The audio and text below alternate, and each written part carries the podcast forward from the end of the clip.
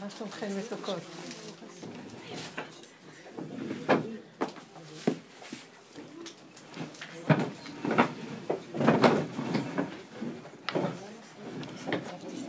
אתן רוצות להתחיל עם איזו שאלה? שאני אפגיז אתכם עם תשובות.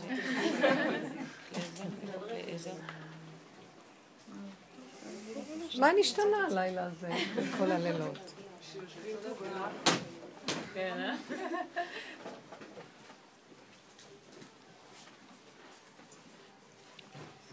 באמת זה רק הצורת חשיבה שלנו עושה לנו את השינויים. האמת היא שאין אה, שינוי. מרגע לרגע לרגע אין שום שינוי. בוא נגיד שנתנו לנו עקרונות של, של, של חגים. הגאון מווילנה אומר שלעתיד לבוא, על מה שחז"ל אמרו, שלעתיד לבוא כל המועדות עתידים להתבטל. יש דיבור כזה. אבל זה התורה לא, ת, לא תפסיק להיות תורה, אף פעם לא. אז איך הם עתידים להתבטל? כל התורה כאילו התרחבה. מה זה, שהם אכלו מעץ הדת, לפני כן הם היו בצמצום, בריכוז, בקטן, הכל היה קטן, עכשווי. היה להם רק רגע אחד וזהו, ועוד רגע וזהו, ועוד רגע וזהו. כשאכלו מעץ הדת נהיה רגע, ועוד רגע, ועוד רגע, אז נהיה עבר ונהיה עתיד גם. כאשר באמת, האמת היא רק הווה, תמידי. אז החגים, איך הם היו לפני, לפני שהשפריץ כל המצב הזה? הלוא התורה הייתה לפני עץ הדת. לפני קלקול עץ הדת הייתה תורה. זה לא רק מי שמשה רבנו נתן לנו את התורה. גם הלוחות הראשונים היו לוחות שהשם הביא לנו עוד לפני חטא העגל, אז הם היו צמצומיים וריכוזיים מאוד. אז הגאון מווילנה אומר שכל המועדות עתידות להתבטל על מאמר חז"ל, הוא אומר שישארו רק ששת ימי שבוע בשבת. אז כל החגים ייכנסו לששת ימי השבוע. יישאר רק שישה ימים בשבת. כלומר, יום ראשון יהיה פסח, ככה הוא... יום ראשון, היסוד של יום ראשון זה פסח. יום שני זה ראש השנה. כי שני זה כאילו בו נברא הגיהנום לרשעים, יש מדרשים. אז כאילו זה יום הדין. יום שלישי זה מתן תורה, זה שבועות. יום רביעי זה ראש חודש. כן, כן. אז יום שלישי זה יהיה מתן תורה. כל, כל התורה יסודה ש, ש, משולש. זה תורה נביאים כתובים. כן? זה לוויים וישראל וכהנים. לוויים, כהנים, לוויים וישראל. השילוש הזה. ביום רביעי יהיה ראש חודש. ביום חמישי יהיה סוכות. ושישי זה שמיני עצרת, ושבת זה שבת. בשבת יהיה בו גם כיפור. זהו, זה היסודות של השבוע. איך? פורים? פורים, הכל יהיה פורים. אה. זאת אומרת, בתוך שימו לב, אם העתידין המועדות להתבטל, אז זה עד דלא ידע. אז איפה ייכנס פסח, ואיפה ייכנס כל זה? זה כאילו עד דלא ידע, זה כאילו הדעת נורא מצטמצמת ונשאר רק נקודה קטנה. נקודה קטנה, נקודה קטנה, נקודה קטנה. אז למה אני אומרת את הפתיח הזה? גם הפסח שלנו עכשיו זה נקודה קטנה. אנחנו מאוד מבוהלים מהפסח, כי זה גדול. זה לא נכון.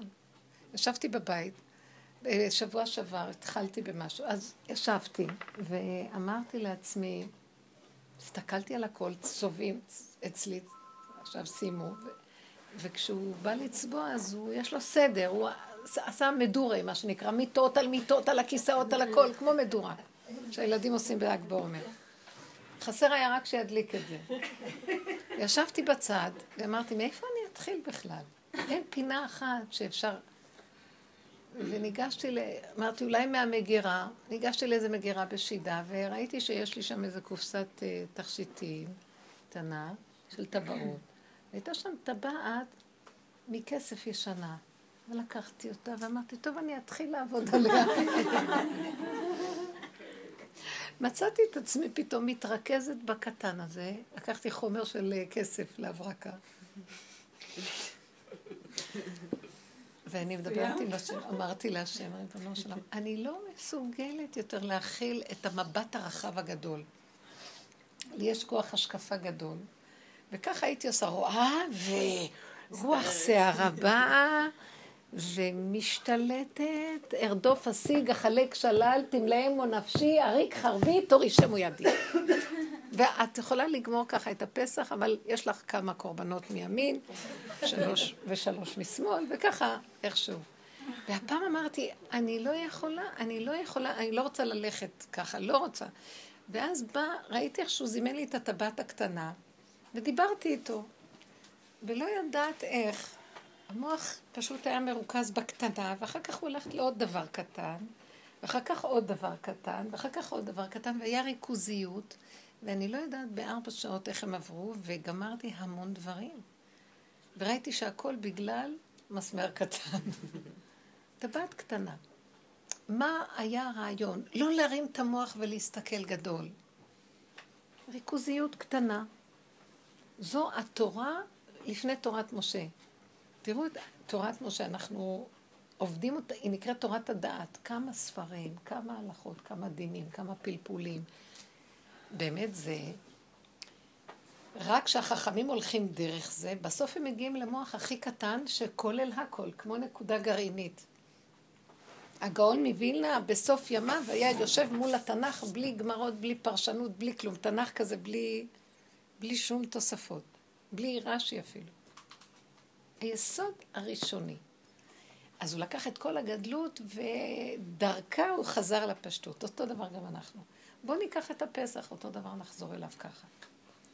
אל תרימו את המוח רגע להסתכל על הכללי, הולכים לאיבוד, מקבלים חלישות. וזה לא רק על הפסח, על כל דבר בחיים. איזה חיים יש לי? אתם מכירים את זה? למה התחתנתי עם האיש הזה?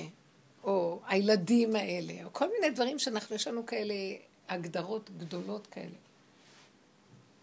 אפילו אם עשינו משהו טוב, יש לנו כוח מבקר שעולה ומתחיל לבקר את מה שעשינו, והוא מטיל ספק, ב... אפילו שהיה בסדר, לרגע שעשינו לא היה ספק. לאחר מעשה הוא קופץ, מתחיל לעלות על איזה עץ גבוה, ולבקר אותנו למה עשינו כך. המהלך הזה הוא מהלך השקפתי, משקיף. כתוב כל השקפה לרעה חוץ מהשקיף השם. רק השם, שזה הכוח העליון, שאין לו זמן ומקום, מחוץ לגדר של טבע, יכול להכיל השקפה. הוא לא מתבלבל ממנה, אבל אנחנו נכנסים לגדר של ההשקפה, הולכים לאיבוד. אתם מבינות? נכון, יש מקום שהבן אדם צריך לשאול למה אני חי ומה משמעות החיים. זה, יש איזו השקפה ראשונית שאחר כך הוא צריך להיכנס, כשהוא מוצא תשובה, הוא צריך להיכנס בתשובה ולסגור את ההשקפה, ולא לחזור לטחון. אין לשאול שאלות. יש ככה ויש נקודה. זה הפסח. הפסח הוא מאוד מאוד מצומצם. שלוש מצות, ארבע כוסות, מרור. זה עיקר הפסח. והגדת לבנך. זה עוד כלל. אבל העיקר, אם אני אצמצם עיקר יותר גדול, זה רק, אפילו לא, לא הייתי אומרת מצה סתם, הייתי אומרת לאכול, לאכול ארבע כזיתות מצה בליל הסדר. זה עיקר המצווה של כל הפסח הזה. באמת. עכשיו תראו מה נעשה, מה עשינו מזה. יש המון הלכות, ודאי, כי המוח, אנחנו בתרבות של דעת. ותורת משה מתקנת את השיגעון של הדת. אז זה שיגעון מול שיגעון. זה דת משוגעת, אז גם התורה התרחבה מול השיגעון הזה. אבל באמת, באמת, התכלית של התיקון זה קטן. קטן. לפעמים את רואה משהו ואת יוצאת מכלל פרופורציה, כי המוח מתרחב לך, ואת נסערת, מתרגשת, מתבלבלת, וזה מיותר לחלוטין. יש רק נקודה אחת ששייכת לאותה חוויה שחווית כרגע, זהו. תראו מה יכול לצאת מזה. אין שום בעיה בכלל בכלום. אם אני רגע מרימה את הראש וחושבת, הלכתי, יצאתי מהפרופורציות. וזה יסודו של החמץ, מחמיץ את הנקודה. ומה זה המצע? צמצום. לצמצם.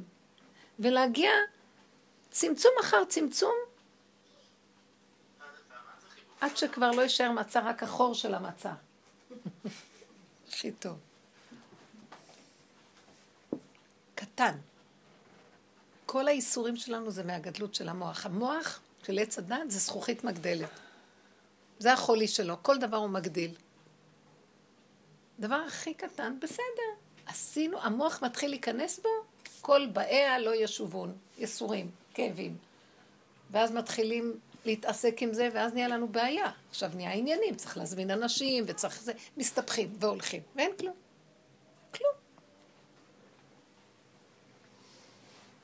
יש דבר אחד קיומי, נשימה.